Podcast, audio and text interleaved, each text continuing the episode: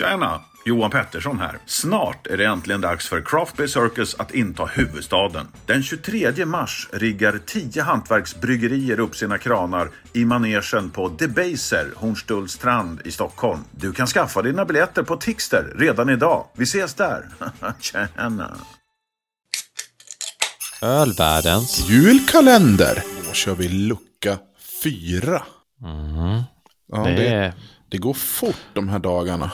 Ja, verkligen. Det är helt otroligt. Och ja, jag, jag är förväntansfull på nummer fyra, därför det är ett öl vi aldrig någonsin har provat innan, Mikael. Det är helt nytt. Mm, det här är helt nytt och det är lite roligt. Och det är kul för att det kommer från Dalarna. Ja, Dalarna. Och det heter Smith Street Brew. Och det är en strong ale. Sa jag rätt nu eller? Ja, jag gjorde det. Strong ale. Strong ale. Så nu ska vi dricka strong ale. Lyssna nu. Lyssna noga nu. Ja, ja.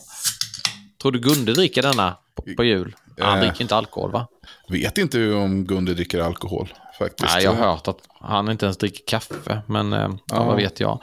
Eh, Smith Street är ju ett varumärke som ägs av Oppigårds bryggeri, ska vi nämna också. Mm. Ett, eh, och eh, det är ganska kul, Mikael, därför vi är inne på fjärde ölet här nu och eh, jag måste säga att alla öl har ju i princip sett ganska snarlika ut vad gäller färg, åtminstone. Ja, det här är väl det ljusaste hittills. Det här, men det är, Ja, det är kristallklart i alla fall. Eh, Mm. Mörk, eller vad ska man säga, mörk kopparfärgat skulle jag nog säga. Det här. är. exakt. Mm.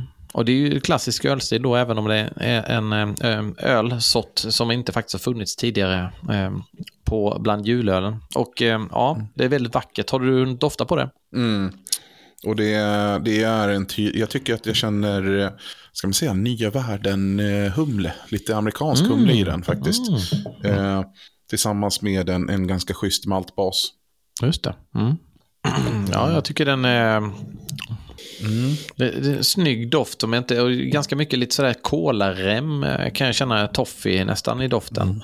Eh, doftar otroligt eh, trevligt. Och du har smakat? Mm, jag har smakat, jajamän. Och, och eh, jag tycker att jag får fram någonting som jag inte kände på doften. Lite choklad. Är Mm. Lite choklad tillsammans med någon, eh, något fruktigt.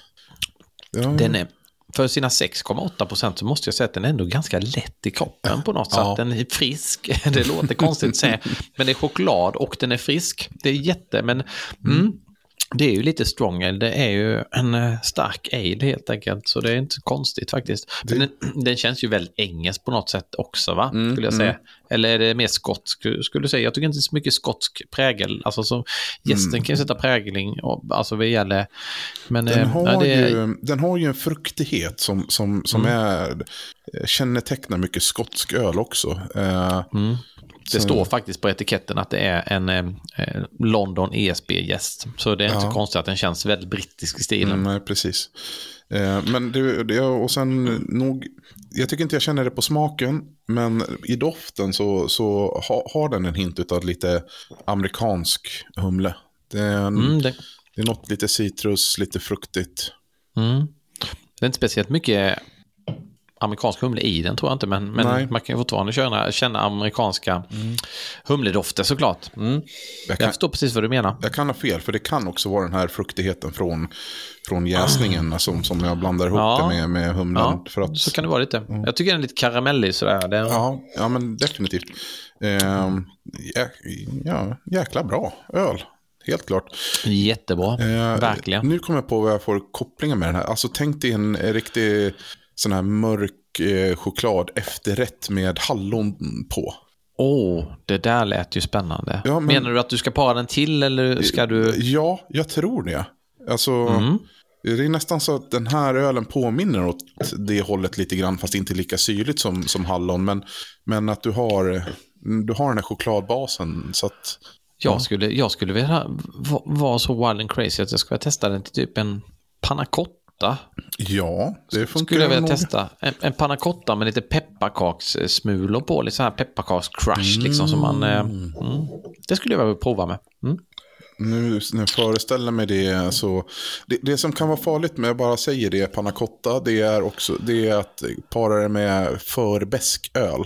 För det kan skära sig. Eh, jag har provat en del förra året och eh, det, det, man behöver någon, mindre, ja, någon öl med mindre beska. Jag tror att den här kan vara för besk, men jag kan ha fel också. Mm. ölsommelieren har haft fel eh, ibland, så, så Ja. vi får se. Men Mi- Micke ofta. höjer ett varningens tecken för att eh, para ihop denna, medan Robert slänger in eh, eh, wildcardet att prova med en eh, vaniljpannacotta med pepparkakssmulor på. Mm. Ja, men alltså, ölet i sig, Mikael, väldigt gott, Ja. precis som alltid. Eh, och sen kände väl du lite den där vikenbäskan då, eh, på något sätt. Mm. Mm, verkligen. Eh, Han är, han är duktig på det där.